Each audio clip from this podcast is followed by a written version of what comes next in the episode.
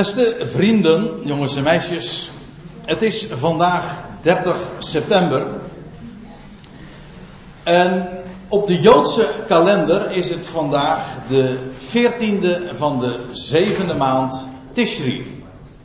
Dat zegt de meeste van u misschien niet zo heel erg veel, maar ik zal u vertellen dat vanavond de op de kalender een nieuwe datum voor de Joden aanvangt. En dat is de, logischerwijs, de 15e Tishri. En de 15e Tishri is het begin van het Loofhuttenfeest. Het laatste, althans in de oorspronkelijke kalender van de Bijbel, het laatste grote feest van Israël. Zeven dagen lang. Ik kom daar straks eh, nog uitgebreid op terug. Sukkot heet dat feest voor de Joden, maar Sukkot betekent ook gewoon loofhutten of eigenlijk gewoon hutten. En de beschrijving van die dag, die vinden we uitgebreid op diverse plaatsen in de Bijbel. Uh, het meest uitgebreid en ook voor het eerst echt goed vinden we hem in Leviticus 23. En ik heb zo overwogen dat het het beste idee is wellicht om dat als uitgangspunt ook voor deze morgen te nemen. Ik zal zo enkele facetten van dat feest, van deze hoogtij, wat belichten. En voordat ik dat doe, wil ik eerst even wat in het algemeen zeggen over die kalender, die feestkalender van Israël. In Leviticus 23, dat hoofdstuk moet u maar goed onthouden, want als er één hoofdstuk is dat al die feesttijden en hoogtijden in één keer behandelt, dan is dat juist dit hoofdstuk. Grijp je nooit mis, alle hoogtijden worden daarin besproken, inclusief trouwens de Sabbat, want daar begint het mee. Maar goed, dat is een wekelijks terugkerend fenomeen. De andere hoogtijden zijn een jaarlijks terugkerend verschijnsel. Zeven hoogtijden.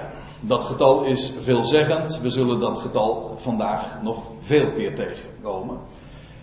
En ik zal dat even kortweg beschrijven, hoe dat ongeveer in elkaar zit. Je hebt drie hoogtijden in de eerste maand. Dat wil zeggen, dat is dus een half jaar geleden.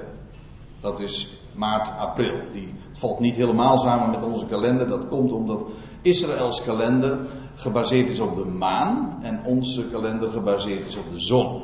Een, een maand in, bij Israël is altijd nieuwe maan. Nieuwe maan, ja.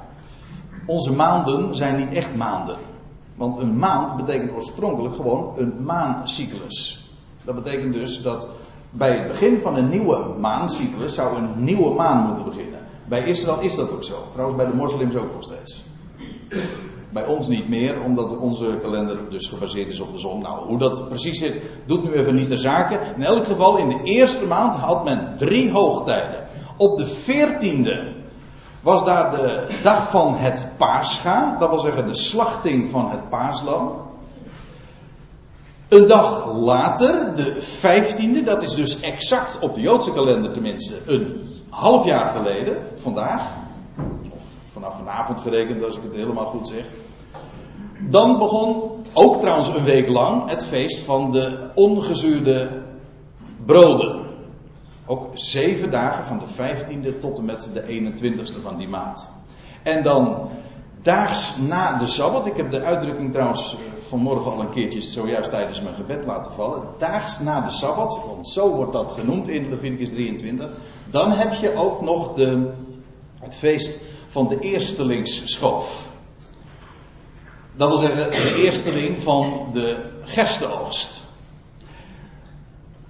En het is heel opmerkelijk en zo wonderbaar dat al deze drie hoogtijden exact samenvallen met de grote heilsfeiten die we in het Nieuwe Testament tegenkomen. Dat wil zeggen, op deze dag uh, stierf onze Heer. Hij werd, het ons is geslacht, zegt Paulus triomfantelijk in de eerste Korinthebrief. Dat is ook zo. Exact op de daarvoor aangewezen dagen. Het aangewezen dag. Al duizenden jaren tevoren was dat door God niet alleen maar wat er zou gebeuren vastgelegd, maar ook wanneer het zou plaatsvinden. Het is daarom ook eigenaardig en opmerkelijk dat het niet de feesten en hoogtijden van Israël zijn, dat kun je wel zo zeggen, maar zo noemt de Bijbel het niet. Die noemt het de hoogtijden des Heren, of de hoogtijden, als ik het helemaal goed zeg, van Yahweh. Het zijn zijn hoogtijden. Waarbij hij de datum al gefixeerd had, dan is het Pascha. En inderdaad, dan 1500 jaar later stierf onze Heer precies op die dag als het Pascha. Hij werd ook geslacht. Dan vervolgens, een dag daarna, krijgen de, de, de hoogtijd van de ongezuurde broden. Dat was de eerste dag in het graf. En dan, en dat, die datum wordt niet gegeven. Dat heeft Israël erg, eh, in het Jodendom heeft dat erg lastig gevonden. Dus zij hebben daar maar een vaste datum voor geprikt. Namelijk de 16e. Maar dat klopt niet. Want de Bijbel zegt niet dat het de 16e is. Die, die noemt juist niet de datum. Die zegt gewoon het is daags na de Sabbat. In deze gedurende deze week, op de dag na de Sabbat, was dan de dag van de eerstelingsschoof. En wat dacht je wat? Dat is exact, dus je kon het eigenlijk wel op je vingers natellen. Met recht op je vingers natellen. Dat moest de dag zijn dat de eersteling verrees uit het graf. De eersteling van de gerstenoogst. En dat was precies ook de datum daarvoor. Dus dat was allemaal al vastgelegd. Drie hoogtijden in de eerste maand. Die Israël tot op de dag vandaag viert. Ik zei al, deze dag, daar heeft men een datum voor gekozen. Soms is dat goed, soms is dat niet goed. Maar het moet in ieder geval een dag na de Sabbat zijn. Daar gaat het maar om. Dan heb je vervolgens nog een hoogtij in de derde maand. Dat is precies zeven weken na deze dag. Nee, na, dan moest men namelijk zeven sabbatten gaan tellen. 49 dagen in totaal. Zeven keer zeven. Zeven keer zeven. Je struikelt iedere keer over die zevens. En dan na die 49 dagen, dus na zeven weken, dan krijg je de vijftigste dag. En als ik het op zijn Grieks zeg, zeg ik dan, dan krijg je Pinksteren. Pink heeft te maken met de vijfde, met de vijftigste. En dat is, uh, dus dan kom je inmiddels in de derde maand, één hoogtij in de derde maand, het begin van de derde maand ergens is dat. En dat is de, het feest van de eerstelingen. Oh, ik zie dat ik iets een fout heb gemaakt. Dat moet ik nog even corrigeren, want dit klopt niet. Het is namelijk het feest van de eerstelingen. Maar dan niet van de gerstenoogst, maar van de tarweoogst. De tarweoogst is net een, een, pakweg anderhalve maand later. Dan werden de eerstelingen van de tarweoogst in, uh, aangeboden aan de heren. Allerlei voorschriften daar worden daarover gegeven. En trouwens, nou ja, daar hoef ik niks over te zeggen. Want het is bekend dat deze dag inderdaad haar vervulling heeft gekregen op de Pinksterdag. Als christenen het hebben over Pinksteren, dan doelen ze per definitie op dat gebeuren wat we in Handelingen 2 beschreven vinden. Maar oorspronkelijk was het gewoon het Joods feest, of beter gezegd een hoogtij van de Heren, al 1500 jaar daarvoor het, week, het feest van de eerstelingen. Nou, en dan ga, krijg je de zevende maand. Dat is dus Tishri, dat valt ongeveer samen in september, oktober. Ook nog drie hoogtijden en dan zijn we de zeven hoogtijden dus compleet. Dan heb je op de eerste van de zevende maand, dat is Joods nieuwjaarsdag. Shana Tova zeggen ze dan tegen elkaar. Gelukkig nieuwjaar, dat is de dag van het bazuingeschal. Ja, dat is een heel merkwaardig fenomeen. Ik ga er nu verder niet op in, maar ik wijs er wel even op dat Nieuwjaarsdag gevierd wordt op de eerste van de zevende maand. Ja, het is wel zo. Nogmaals, daar gaat het nu niet om waarom dat zo is. Een wonderlijke, maar prachtige reden. Maar hoe dan ook, de, de eerste dag was de dag van het bazuingeschal. Vervolgens kreeg je op de tiende van de maand, en dat was afgelopen woensdag Yom Kippur. Misschien wel de hoogtijdag van, bij uitstek voor Israël. Maar in elk geval een, een, een belangwekkende hoogtij voor, voor de Heer zelf. De tiende is Yom Kippur. Wat wij allemaal natuurlijk nog kennen van 1973. De Yom Kippur-oorlog. Maar dat was, de, dat was een hele, heel tricky van de Arabische wereld. Om juist op die dag dat er niets gedaan wordt. En het hele openbare leven in Israël plat ligt. Om juist op die dag Israël aan te vallen. Want dat was een hele slim idee. Dat is zwaar en duur komen te staan. Maar goed, dat is een ander verhaal. De tiende, dus de verzondag. En dan tenslotte, en nu komen we bij uh, ons eigenlijke verhaal aan. Dan krijg je vanaf de vijftiende ook een week lang het Loofhuttenfeest. En dat is wanneer ook twee andere oogsten zijn ingezameld, namelijk in de eerste plaats de wijnoogst, of zo u wilt de druivenoogst. En tevens ook de olijvenoogst. Waarmee dus gezegd is dat die hoogtijden van Yahweh allemaal gegroepeerd zijn, overduidelijk rond oogsten. Dat lees je ook op meerdere plaatsen in de Bijbel. In Exodus, maar ook in Deuteronomium. Daar vind je onder andere deze, dit vers. In vers 13 staat daar. Het loofhuttenfeest zult gij zeven dagen vieren. Wanneer gij de opbrengst hebt ingezameld van uw dorsvloer. Dat heeft te maken met de eerste maand. Namelijk de eerste en derde maand. Dat wil zeggen de inzameling van de gerst en van de tarwe. En vervolgens ook van uw perskuip. En dat uh, heeft weer te maken met wanneer zowel de druiven getreden worden, maar ook de olijven. Want in beide gevallen is er sprake van een perskuip. Zodat al die feesten, al die hoogtijden te maken hebben met oogsten. In de eerste maand, in de derde maand, maar ook in de zevende maand.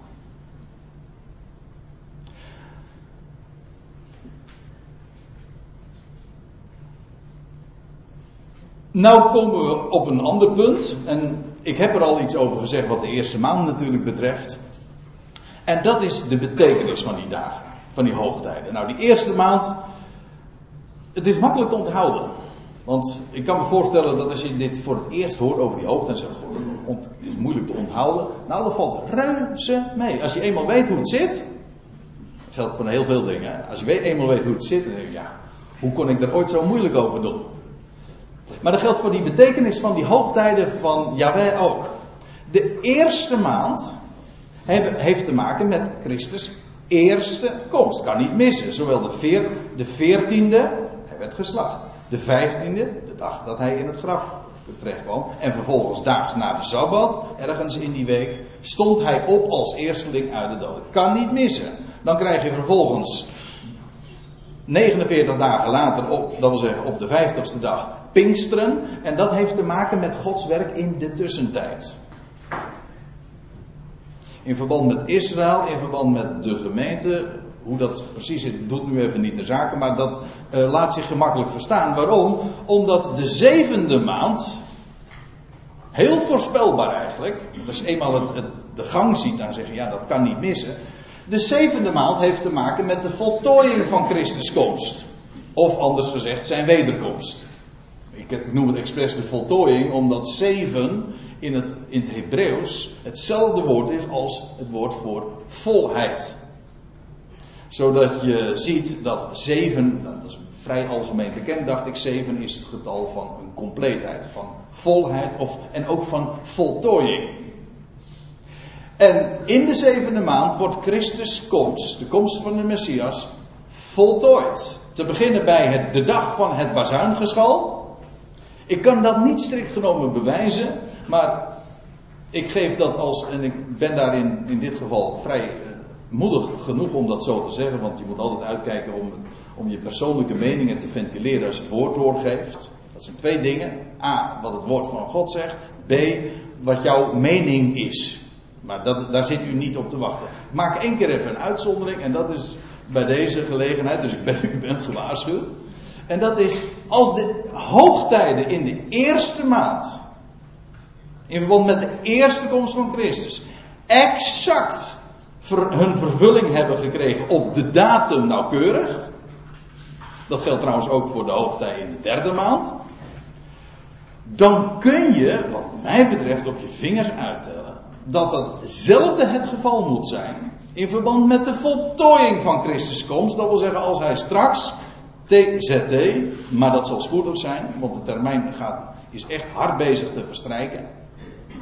Dat die vastgelegde hoogtijden eveneens op de datum nauwkeurig vervuld zullen worden. Dat wil zeggen, de dag van het bazuingeschal. Ja, als je mij vraagt, heb jij een idee welke datum dat zal zijn? Dan zeg ik, ja, dat kan haast niet missen. Dat moet. Dat moet één Tishri zijn. Want dat was namelijk de dag die de Heer ook al had vastgelegd. Ik geef toe, het bewijs moet nog volgen, dus we wachten even af. Maar dat is wel de lijn tot dusver. Hij, de Heer heeft niet zomaar een datum gekozen. De dag dat de bazuin zal klinken, wat trouwens nog een uh, heel uitgebreid onderwerp is, want, maar goed. Dat zal de eerste Tishri zijn. En de dag van de verzoening van het volk, de grote verzoendag, Yom Kippur, wanneer zal dat zijn? Nou ja, voor Israël. Hè? Wanneer Israël, uh, voor Israël verzoening zal volgen. En haar zonden bedekt zullen worden en zullen weggezonden worden in de woestijn. Dat zal zijn op de tiende Tishri. Zo geldt het ook voor het feest van Loofhutten. Maar dat gaan we het nu dus over hebben. Zal haar vervulling vinden, inderdaad, op de, op de vijftiende van de zevende maand. Maar goed, wat dat dan is, daar moeten we het nu eens over hebben dus. We gaan gewoon naar Leviticus 23 en we volgen gewoon de lijn naar deze inleiding van de versenindeling van het hoofdstuk. Dat is niet zo moeilijk. In vers 34, daar lees je van het hoofdstuk, nadat dus al 33 versen daaraan vooraf gegaan waren, waarin dus de hoog, die andere voorgaande hoogtijden waren besproken.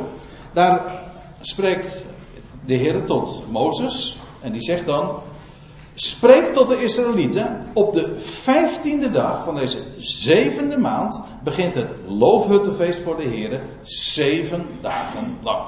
Op de vijftiende dag, ik zei wel, de, de kalender van Israël is gebaseerd op de maan. Dat betekent dus dat de nieuwe maand ook nieuwe maan is. En aangezien een maancyclus, om precies te zijn, 29,5 dag duurt. Ja, dat is een wat ingewikkelde constructie. Oorspronkelijk was het denk ik 30 dagen. Maar goed. Uh, dat het. Uh, dat die maancyclus, die duurt dus uh, zo lang. Dat betekent dat de vijftiende van de maand per definitie volle maan is. Altijd. Ik weet niet of u de, die film hebt gezien destijds over de. Hoe heette die ook weer? Een paar jaar geleden.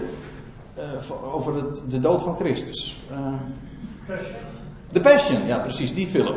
Als u dan het begin van die film ziet. Het, ik was zelf niet zo erg te spreken over die film, maar goed, dat, wat heel fraai was, daar was ik gewoon meteen door getriggerd in die film, dat uh, als je dan Jezus ziet in, de, in Gethsemane, dan, dan, dan wordt een, een, blik gegeven op, uh, op, de, op de hemel en dan zie je zo door de bomen de maan schijnen, volle maan. Volkomen terecht, want het was inderdaad met volle maan. Bijna volle maan moet ik zeggen, want het was de 13, 14e. Dat klopt. Halverwege de maand heb je volle maan. En dan weet je trouwens ook meteen waarom, waaraan volle maan haar reputatie ook te danken heeft. Want het is een, het embleem bij uitstek van vruchtbaarheid. Het is namelijk halverwege de maandelijkse cyclus. Letterlijk. Leuk hè, zulke dingen. Want we weten allemaal dat halverwege de maandelijkse cyclus, dat is het, de, het tijdstip van de vruchtbaarheid daar heeft uh, volle maan ook haar uh, naam aan te danken. Maar in elk geval op die, die dag was het. Dus halverwege die maand. Op de vijftiende dag van deze zevende maand begint het loofhuttenfeest voor de heren zeven dagen lang. In het Hebreeuws staat daar dit. Nou, ik moet eigenlijk zo doen. Gak, gak ha sukkot. Dat wil zeggen, feest der hutten. Want dat is wat het is. Niet helemaal hetzelfde als feest der tenten. De betekenis ligt er erg dichtbij, dat wel, maar het is net even wat anders. Het idee is, het is wat in discussie, maar bij een tent, en dat lijkt me op zich vrij voor de hand liggend. Wat is het verschil tussen een tent en een hut? Nou, een tent, het, vooral het materiaal wat je gebruikt.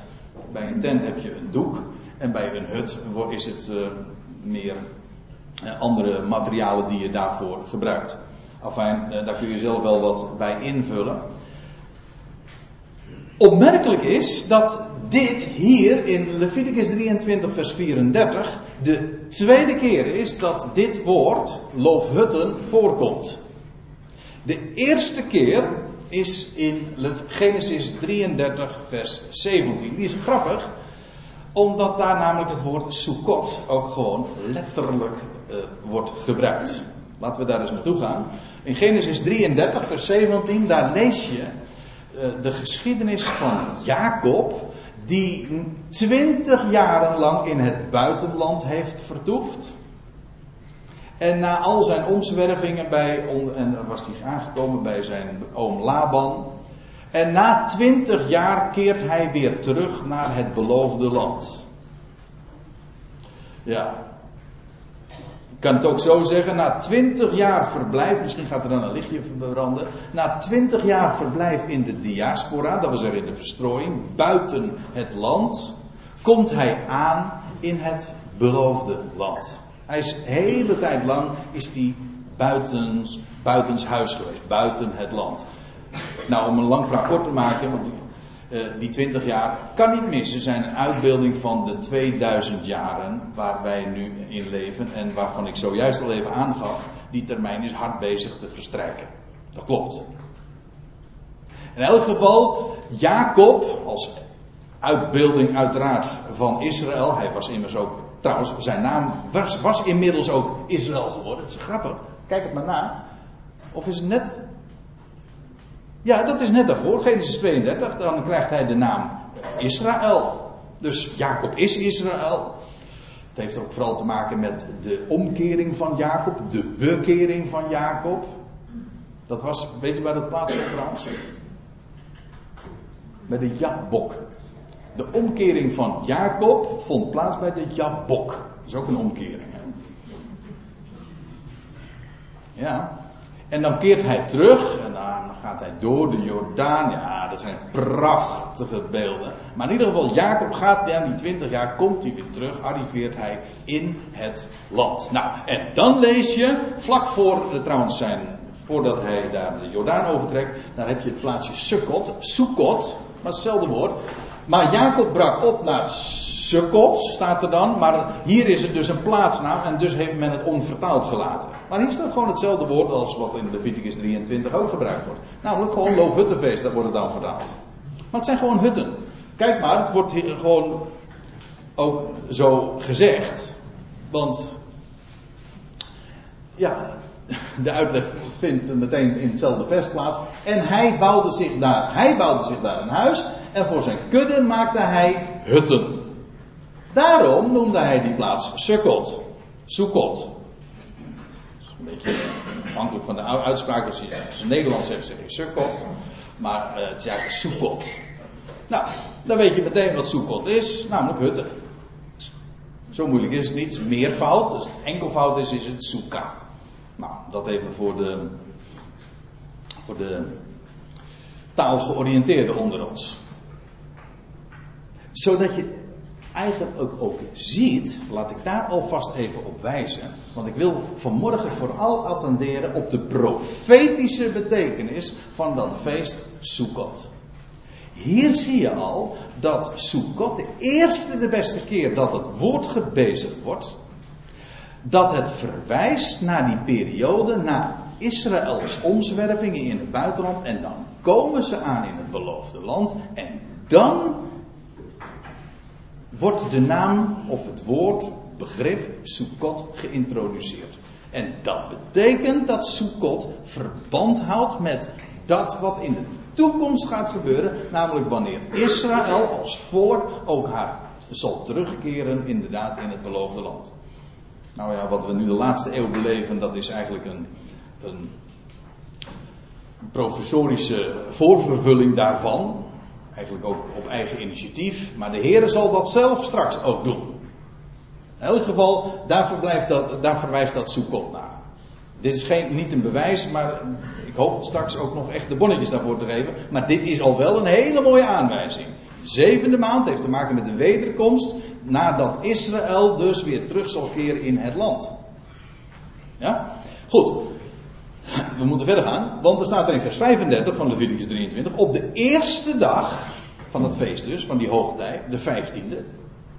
Dus wat de datum die vanavond ingaat. Op de eerste dag zal er een heilige samenkomst zijn. Geenerlei slaafse arbeid zult gij verrichten.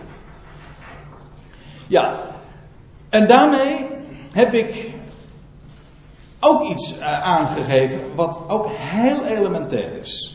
Het ligt ook heel erg voor de hand. Dit zevende feest, deze is namelijk de zevende hoogtij, in de, dat zeven dagen duurt, is opmerkelijk hè, moet je, als je nou deze versen leest, die versen die we nu ter sprake brengen, van, vanaf vers, wat is het, 34 tot het einde van het hoofdstuk, dat zal zijn, 2, vers 42, 43, dan kom je negen keer het getal 7 tegen. En zes keer wordt, ja, zes keer wordt er op gewezen dat het zeven dagen duurt. Ja, nou weten we het wel. Ja, maar daarmee wordt uiteraard iets onderstreept. Het getal 7 is juist elementair, kenmerkend, karakteristiek voor die hele hoogtijd. In de, in die, en bovendien, het is het zevende feest, duurt zeven dagen in de zevende maand. Het is een uitbeelding. Als je dan zoveel zeven hebt gezegd, dan moet dat iets met de Sabbat te maken hebben. De zevende dag. En dat klopt ook, want daar begint het mee en daar eindigt het ook mee.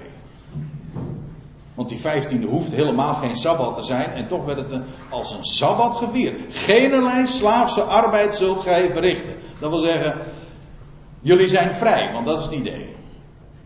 Het gaat er dus niet zo om van je mag niks doen. Het gaat jullie zijn vrij. Geen, geen slaafse arbeid meer. Er is vrijheid, er is rust. Na al dat gezwoeg en geplotter is het nou eens een keertje tijd om op adem te komen. Dat is een woord dat trouwens ook de Bijbel gebruikt in dit verband. Op adem komen. Rust. Al dat ik denk er ook aan, want het is een uitbeelding van de wereldsabbat. Neem dat ook heel letterlijk. Na zes dagen van duizend jaar, dat wil zeggen vanaf Adam gerekend, zijn er inmiddels bijna zes dagen gepasseerd, zes millennia. En dan breekt, ja, dan wordt de tijd na zes dagen, want voor de Heer is één dag als duizend jaar toch? Na zes dagen breekt de Sabbat aan. De zevende dag, de grote Sabbat. En dan zegt de Heer, na zes dagen geplotter is het nu mijn dag. Mijn feest. Zeven, zo is het genoeg. Dat is precies wat Loofhuttenfeest uitbeeldt. De Sabbat uitbeeldt. En zoveel andere tijden ook trouwens. Maar de, het Loofhuttenfeest wel bij uitstek. Geen slaafse arbeid zult gij verrichten. Kijk, dat is wat er gaat uh, gebeuren. God is. Gisteren schreef ik nog een blogje erover en toen gebruikte ik die formulering. En ik hou ervan om er zo aan te denken. God is perfect op schema. Er gaat niets mis. De millennia die gebeurt, die inmiddels verleden tijd zijn. Ja, daar zijn er zes van in getal. En dat betekent de zevende is in aantal. Gaat binnenkort aanbreken. En hoeven we het nu niet eens nu op het jaar of het, voor mij part zelfs niet eens op het decennium nauwkeurig te bepalen. Dat is een ander onderwerp. Maar ieder voelt het wel aan. Die tijd gaat komen. En anderszins, de 2000 jaar, denk aan die 20 jaar, die zijn ook bijna voorbij. Dus het klopt aan alle kanten. Hoe, hoe, je, het ook, hoe je het ook bekijkt. Die Sabbat gaat komen voor deze wereld. Zeven, ja, weer. Zeven dagen, vers 36. Ik heb, ik heb u al op gewezen, dus u gaat er nu vanzelf automatisch overstruikelen. Zeven dagen zult gij de Heer een vuuroffer brengen. Dat kon, konden allerlei offers zijn, maar dat zijn in ieder geval offers, het laatste geraden, die in elk geval te maken hebben met vuur. Een brand, in principe zijn dat brandoffers die omhoog stijgen. Heeft ook te maken met nieuw leven. Dat wat er gebeurt nadat een dier geslacht is. Wat gebeurt er dan mee? Is dan het einde verhaal? Nee, dan begint het pas. Want dan pas wordt het een liefelijke reuk. Na de slachting stijgt het op naar boven. Dat is een vuuroffer. Dus na de slachting, na de dood, dan is het leven. Dat is voor de Heer een liefelijke reuk. Nou, dat werd die dag, gedurende die hoogtij, gedurende dat feest, nou, mag wel zeggen, zeer demonstratief bewezen. Zeven dagen zult gij de Heer een vuuroffer brengen. Op de achtste dag zult gij een heilige samenkomst hebben. Die achtste dag hoort eigenlijk niet meer bij het feest. Want ik zei al, die loofhutten, dat Loofhuttenfeest, dat was zeven dagen. Die, alleen de, die achtste dag is een soort appendix. Het is het afsluitende feest. Als u daar nou meer over wil weten. Als ik even deze reclame mag maken, dan moet u volgende week zondag naar Den Haag komen. Ik weet niet of, het is een vrij kleine gemeente, maar als u allemaal zien aankomen. maar dan hoop ik te gaan uh, spreken, want dan is het namelijk uh, de achtste dag. Dan wil ik uh, wat meer ingaan op die achtste dag. En op Simchat Torah. Dat is een buitengewoon boeiend fenomeen. Daar gaan we het nu dus niet over hebben. Want we hebben het nu over Loofhutten, dat is zeven dagen. Maar die achtste dag, dat heeft te maken met een nieuw begin. Nou ja, daar wil ik het nu even bij laten. Maar op de achtste dag zult gij een heilige samenkomst hebben. En de Heer ook een vuuroffer brengen. Het is, het is een feest. Vergis je niet. Dat wordt ook heel sterk benaderd. Het is een feest. Generlei slaafse arbeid, vrijheid dus, rust, zult gij verrichten. Dat is niet alleen maar iets wat ze moeten doen, daar gaat het niet om. Het, als je het profetisch ziet, is dit een belofte. Straks als de Sabbat aanbreekt, dus die zevende maand, en ik hoop dat u net zo dubbelzinnig nu denkt als ik dat doe, als die zevende maand gaat aanbreken, als de komst van de Messias voltooid zal worden, dan breekt daar een Sabbat aan en dan zal er geen slaafse arbeid meer verrichten. Dan is er rust mensen, dan is er vrijheid voor Israël en voor de, ja, dat moet ik nu zeggen, voor de hele volkerenwereld. Want dat is Loofhutte. Loofhutte heeft alles te maken met de volkerenwereld. Dit zijn, ik ga verder.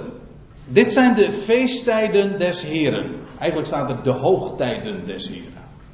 Die betekenissen liggen dicht bij elkaar, dat is waar. Maar een hoogtij hoeft niet per se een feest te zijn. Ik noem maar wat. 14 Nisan, dat is de 14e van de eerste maand, de dag van Pascha, heet ook een hoogtij. Maar je kunt moeilijk een feest doen. Zoals wij Goede Vrijdag ook geen feestdag noemen. Maar goed, even daar gelaten. Dit zijn de. Als u, als u een statenvertaling hebt, als ik me niet vergis, staat er inderdaad de hoogtijden des Heren. Klopt dat? Ja, hè?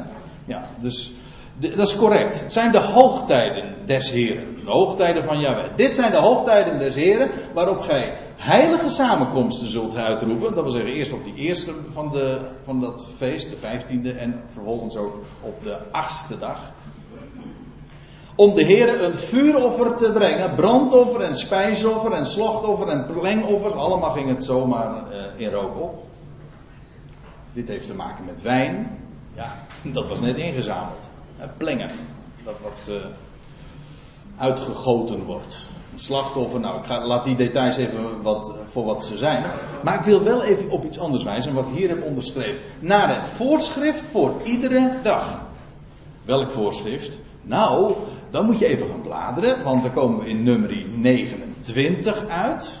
Kijk het maar na. Nummer 29 vanaf vers 12 tot 38. Een heel uitgebreide beschrijving. Een beetje saai om te lezen. Maar als je eenmaal weet wat het is en waar het op betrekking heeft, dan, is het een schilderij. Geweldig. Als je het aan tafel leest, dan denk je van nou, dat slaan we maar even over. Want uh, hm, dat is nou niet echt heel erg boeiend. Nee, maar er wordt een, tussen de regels door wordt daar een plaatje geschilderd. Wauw. Nummer 29, daar wordt namelijk het voorschrift gegeven wat iedere dag zou gebeuren. Gedurende dat hoogtijfeest, gedurende die hoogtij van Loofhutten, Sukkot. Wat moest men namelijk doen? Ja, men moest allerlei offers brengen. Maar het meest uit, in het oog lopend is uh, dit. Dat men op de eerste dag, de 15e, zou men 13 stieren offeren. Op de tweede dag, dat is dus de 16e van de maand, 12. Op de derde dag 11. Op de vierde dag 10. Nou, het is heel erg voorspelbaar worden dan, hè. En de, uh, de, wat is het? De vijfde dag 9, de zesde dag 8. En op de zevende dag 7. Leuk hè. De zevende dag nog 7. En dan houdt op, want dat, dat was namelijk de termijn van het Loofhuttenfeest. Zeven dagen. Dus nou, tel ze maar bij elkaar op. 13 plus 12 plus 11 plus 10 plus 9 plus 8 plus 7. Dat is 70 stieren. Dat stieren, hè. Er, er moesten ook nog uh, bokjes en lammeren geslacht worden en geofferd worden. Maar 70 stieren werden er gedurende Sukkot geslacht, nee, ik moet zeggen, geofferd. Weet wel, het is algemeen gebruikelijk om te zeggen van dat uh, een offer, ja, dat, is, dat heeft allemaal te maken met de dood. Maar dat is niet zo hoor. Een offer heeft te maken met opstanding. Dat wat er gebeurt na de slachting. In elk geval 70 stieren. Waarom zeg ik dat nu? En dit is niet een vondst van mezelf. Trouwens, wat ik vertelde is helemaal geen vondst van mezelf. A, ik kan het gewoon zo laten zien uit de schrift, maar dat is nog iets anders. Ook de Joodse traditie is hiervan zeer goed op de hoogte. Eh, een Jood, eh, de, de, de rabbijnen in hun verklaringen worden niet moe om erop te wijzen. Loofhuttenfeest is het feest van, voor de volkeren. Nou, gaat er bij een aantal van u al een lampje branden, of misschien een belletje rinkelen? Ik weet niet hoe dat bij u intern allemaal geregeld is. Maar in elk geval, die 70 is het getal van de volkeren. De eerste keer, waarom is dat? Nou, dat is vooral omdat we dat in Genesis 10, als daar de volkerenlijst gegeven, de nakomelingen van Aad, pardon, van Noach, Sem, Ham en Javet, en die hadden 70 zonen, staat er. De volkerenlijst telt 70 zonen en die allemaal representanten zijn van hun nageslacht, van, van de volkeren. 70 is gewoon het getal van de volkeren. Ik ga het nu niet uitleggen, het is, het is gegeven. Het woord voor de, voor, de, voor de wereld is, het woord voor de wereld wordt ook gekenmerkt door de 70. Hè? De 70 boeken van de Bijbel. Ja, nou. 70 is het getal van de volkeren. Loofhuttenfeest heeft alles te maken met de volkerenwereld. En dat zie je ook op allerlei manieren. Ik zal op één, dat is een hele bekende profetie, denk ik, in Zachariah 14. In werkelijkheid gaat het nog een paar versen door, maar ik, ik bepaal u even vooral bij dit ene vers. Daar in Zachariah 14. Zachariah 12, 13, 14, dat gaat allemaal over, over de zevende maand. Over als de bazuin zal klinken. Als de Heer zal verschijnen. Als er verzoening gedaan zal worden voor Israël, de tiende. Maar ook wanneer het Loofhuttenfeest gevierd gaat worden. En dat is een feest voor de volkeren. Dat wordt uitdrukkelijk in de profetie zo ook gezegd.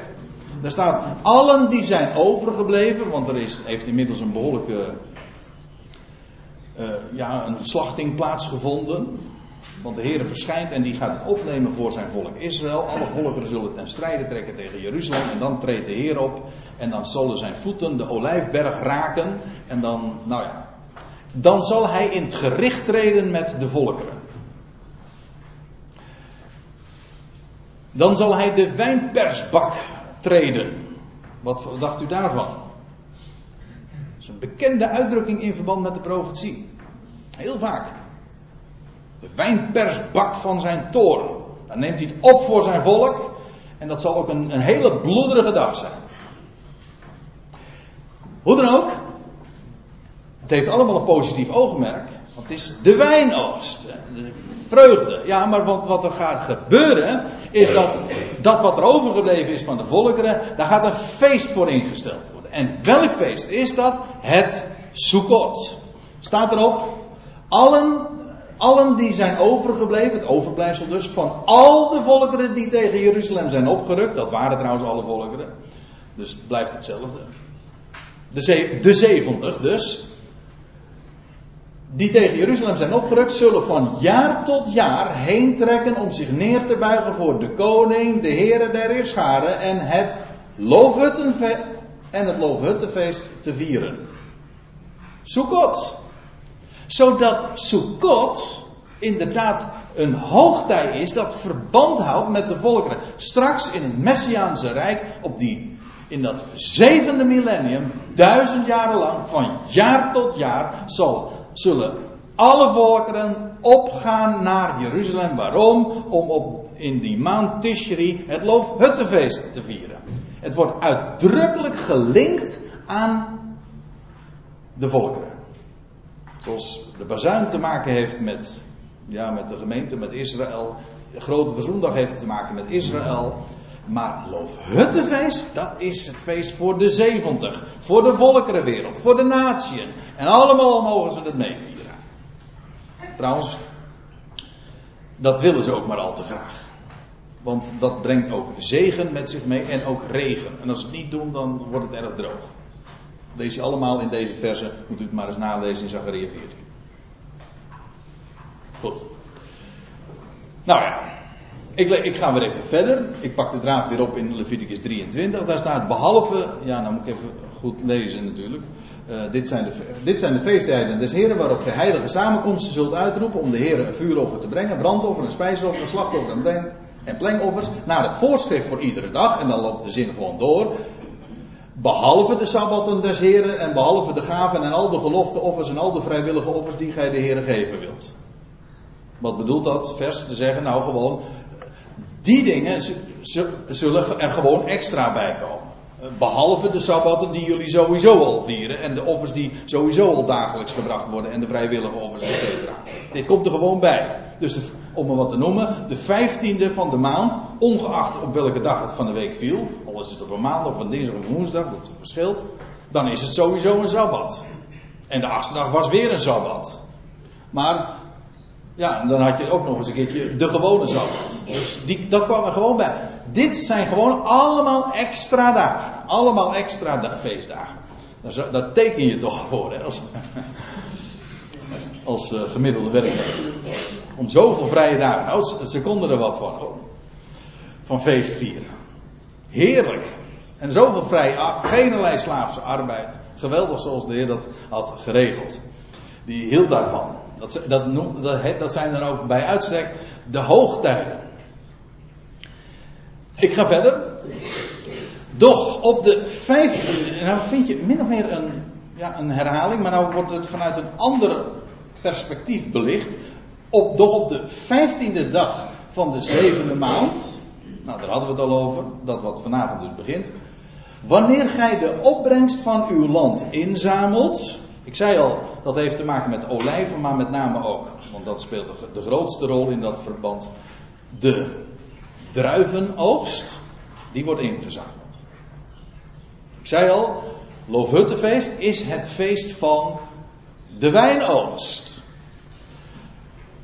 En dan zult gij, staat er, zeven dagen, ja, dat, hoe, vaak is dat al nou niet gezegd?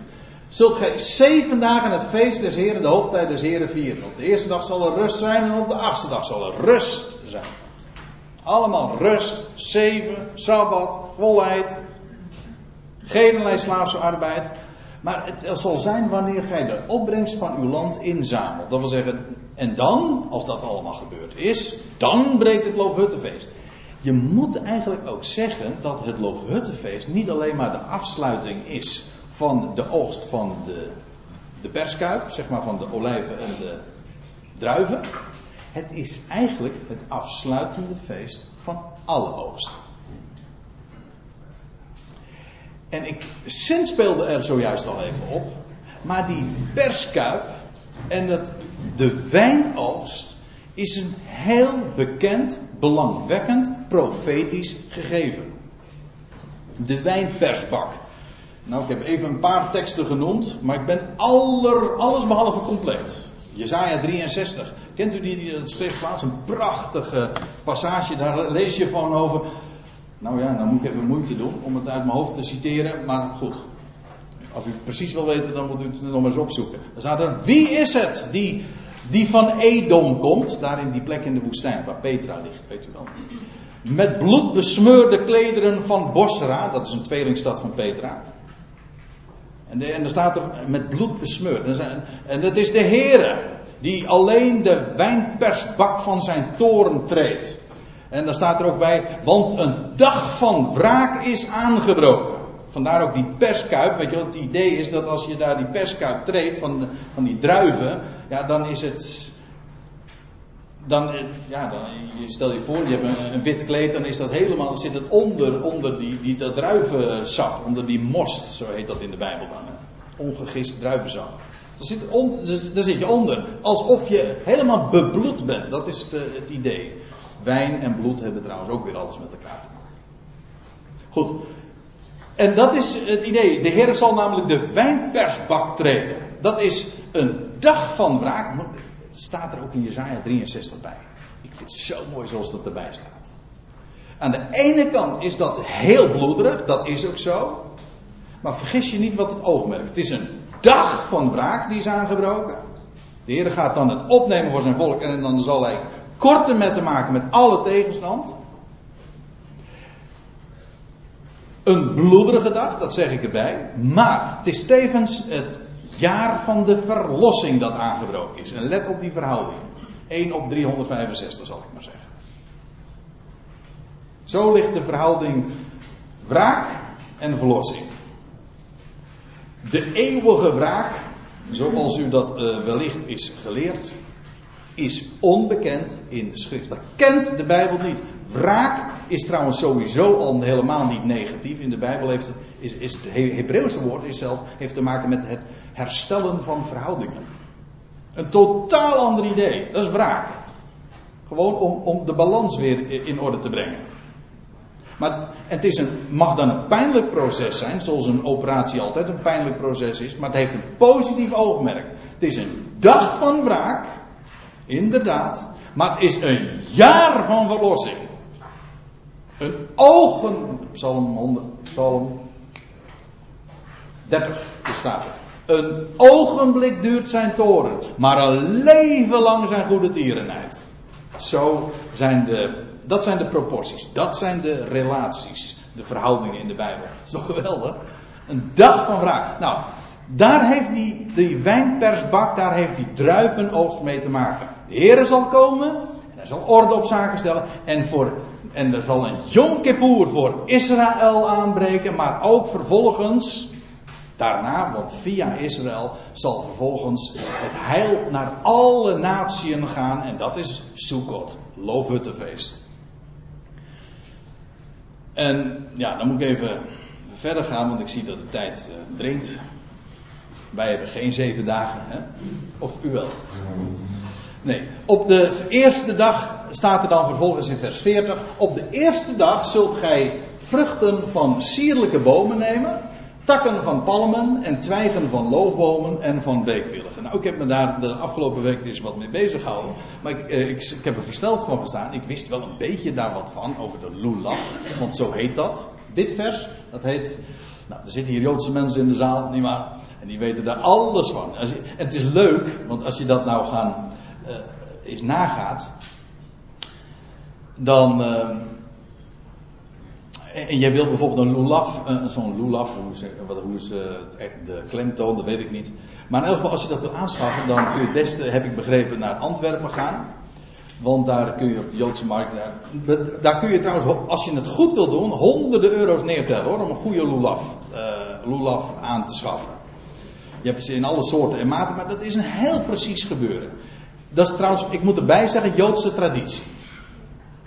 Het idee is in de Bijbel, in het algemeen, wordt hier gezegd: je zult vruchten van sierlijke bomen nemen, takken van palmen. Uh, nou, dus deze, dat heet dan de etrog in de, in de, in, in de Joodse traditie. Dus correct.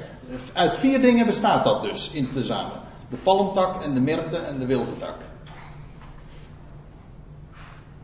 En dat is in de Joodse traditie, dus grappig om eventjes terzijde zo op te merken, hoe men dat heeft uitgewerkt. Want ja, dat moest aan alle mogelijke voorschriften dan voldoen aan zo'n lulaf.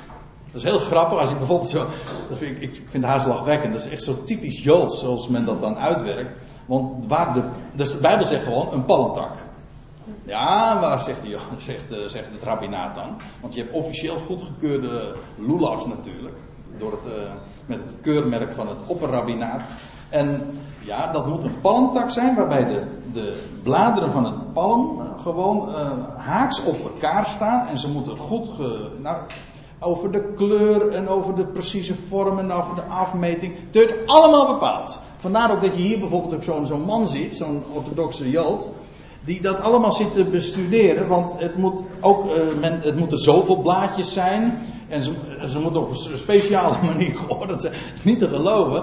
En dat geldt dus voor al deze dingen. Voor die etrog, voor de palm. De etrog is dus die, dat zijn die vruchten van sierlijke bomen. Dat zijn in de praktijk van de Joodse traditie zijn dat citrusvruchten. Een soort kalebas is dat. En dan heb je de palmtak. Altijd te maken met de overwinning trouwens. Een triomf. In tegenstelling tot de willige tak. Die heeft altijd te maken met treurnis. Ja. Je kent toch de uitdrukking van ja, je harp aan de wilgen hangen. Ja, Psalm 137. Trouwens, bij ons hebben we toch ook nog de treurwillig. De willig heeft daarmee te maken. En de myrte, dat is dan de, de loofboom. Dus even terzijde. Dat vind ik wel leuk om te zeggen. Want ik zei u al, in de Joodse traditie is het ook bekend. En wordt het onderstreept dat Loofhutte, Soekot, alles te maken heeft met de volkerenwereld. En weet u hoe men deze dingen dan uitlegt? Deze vier attributen, dat zijn, is een uitbeelding van alle mensen. De willige tak is een uitbeelding dat die, die ruikt niet en die smaakt niet. Zeg men. Het is niet mijn uitleg, kijk het maar na. De Joodse uitleg is gewoon gangbaar die ik nu geef. De wilgetak die ruikt niet en die smaakt niet. Dat zijn een is een uitbeelding van degenen die de Torah niet kennen en ook niet doen. De myrte is een die ruikt. Was het nou? Wel en smaakt niet. Dus een uitbeelding van degenen die wel de Torah kennen, maar niet doen.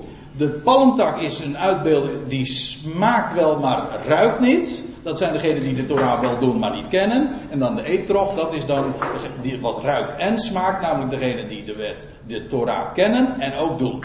Nou, dan hebben ze alle vier gehad. Meer, meer smaken zijn er niet zelf, zou ik maar zeggen. Ja.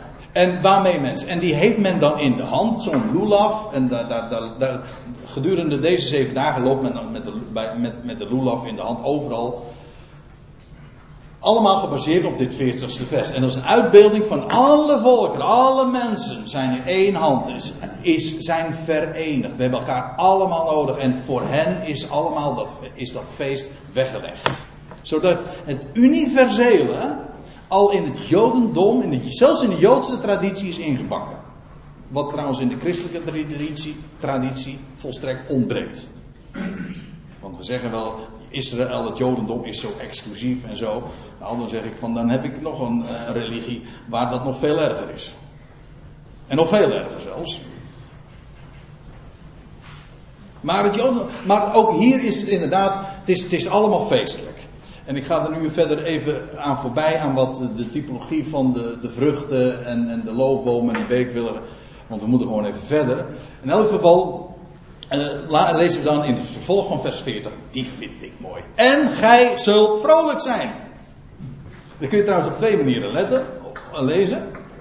En gij zult vrolijk zijn. Nee, nee, geen gejank.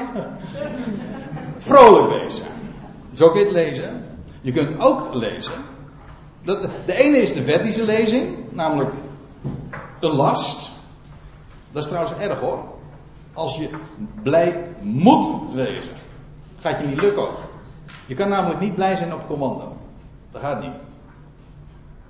Je kan, je kan van allerlei dingen doen, gewoon op commando, maar blij zijn op commando lukt niet. Sterker nog, hoe meer je het probeert, als, als je niet blij bent en je probeert blij te zijn, hoe gefrustreerder je wordt. Dus op het moment dat dit een last is,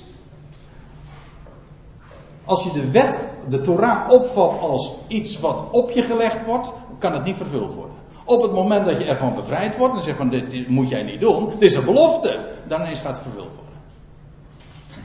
Daarom geloof ik dat dit gewoon profetie is. Een belofte. Wanneer zal dit echt vervuld gaan worden? Natuurlijk Israël viert dit zo feestelijk als mogelijk. Prachtig. Geen kwaad woord erover. Maar dit gaat pas echt vervuld worden straks in de zevende maand. Bij de terugkeer van de Messias. En dan, dan, dan ineens zullen ze ontdekken dat de wet van hun schouders is genomen. Het stenen tijdperk is voorbij. Ik bedoel, van de stenen tafel. Er is vrijheid. En de wet, de Torah, is onderwijzing van Gods belofte. En dan, dan zullen ze vrolijk zijn. Niet je moet vrolijk wezen. Nee, jullie zullen vrolijk zijn. Voor het aangezicht van de Heer. Uw God. Zeven dagen lang. Ja, dat weten we nu. Trouwens, de enige goede, solide basis voor vreugde, dat is voor het aangezicht van de Heer. Want alle andere vormen van vreugde, wanneer we blij proberen te zijn, je kunt het aan allerlei dingen ontlenen, dat werkt niet. Die geven alleen maar katers. Maar dit is vreugde. Echte vreugde, namelijk voor het aangezicht van de Heer. Dan luister je naar zijn woord en dan word je vanzelf blij. Niet omdat je iets moet doen, je moet niks doen. Je krijgt juist te horen wat hij doet. En wat hij belooft en hoe jij je bevrijdt. Gij zult vrolijk zijn. Ik heb er een mooi vers bij gevonden. Jezaja 35, hou hem vast. De vrij gaat trouwens ook over wat er straks zal gebeuren. Als Jacob zal terugkeren in het land. De vrijgekochten des Heren zullen weerkeren en met gejubel in Sion komen. Let op, met gejubel. Zoekot. Eeuwige vreugde zal op hun, op hun hoofd zijn. Dat betekent niet dat ze oh, eeuwige, vreugde, vreugde op hun hoofd moet wezen. Nee, dat zal zo zijn. Blijdschap en vreugde zullen zij verkrijgen. Ja, want dat is wat vreugde is. Hè? Je krijgt het, je ontvangt het. Het is een geschenk. Maar kommer en zuchten zullen wegvlieden. Als, de, als het licht aangaat, dan verdrijft, dan wordt de duisternis verdreven. Zo werkt dat. Gij zult vrolijk zijn. Daar hebben die zeven dagen mee te maken.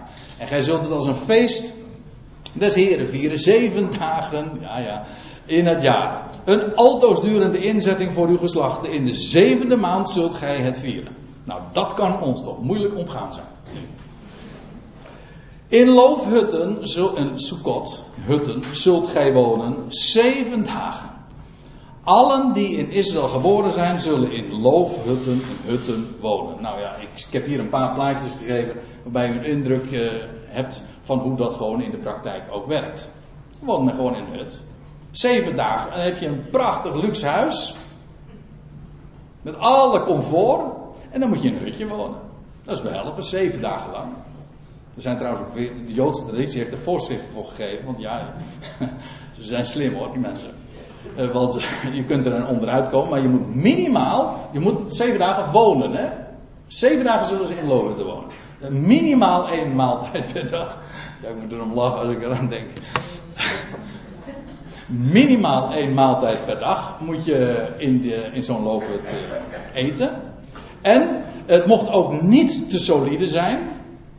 Het een, eh, een, een loofhut heeft als een van de voorwaarden, dat die koosje zeg maar is, dat het goedgekeurd is door de, de vereniging van Nee, van opperrabijnen. Die mo uh, hij moest bijvoorbeeld een, een, een, goede storm niet kunnen doorstaan. Nee, het is een voorwaarde. Een goed huis moet een storm wel kunnen doorstaan, maar een loofhut mag een storm, enige storm, niet uh, doorstaan. Dat is een van de voorwaarden. Uh, een andere voorwaarde was, is dat het dak open moet zijn. Dat wil zeggen, niet geheel, open, eh, niet geheel dicht, maar in ieder geval zodanig dat je de sterren kunt zien. Dat je de, de hemel kunt bekijken.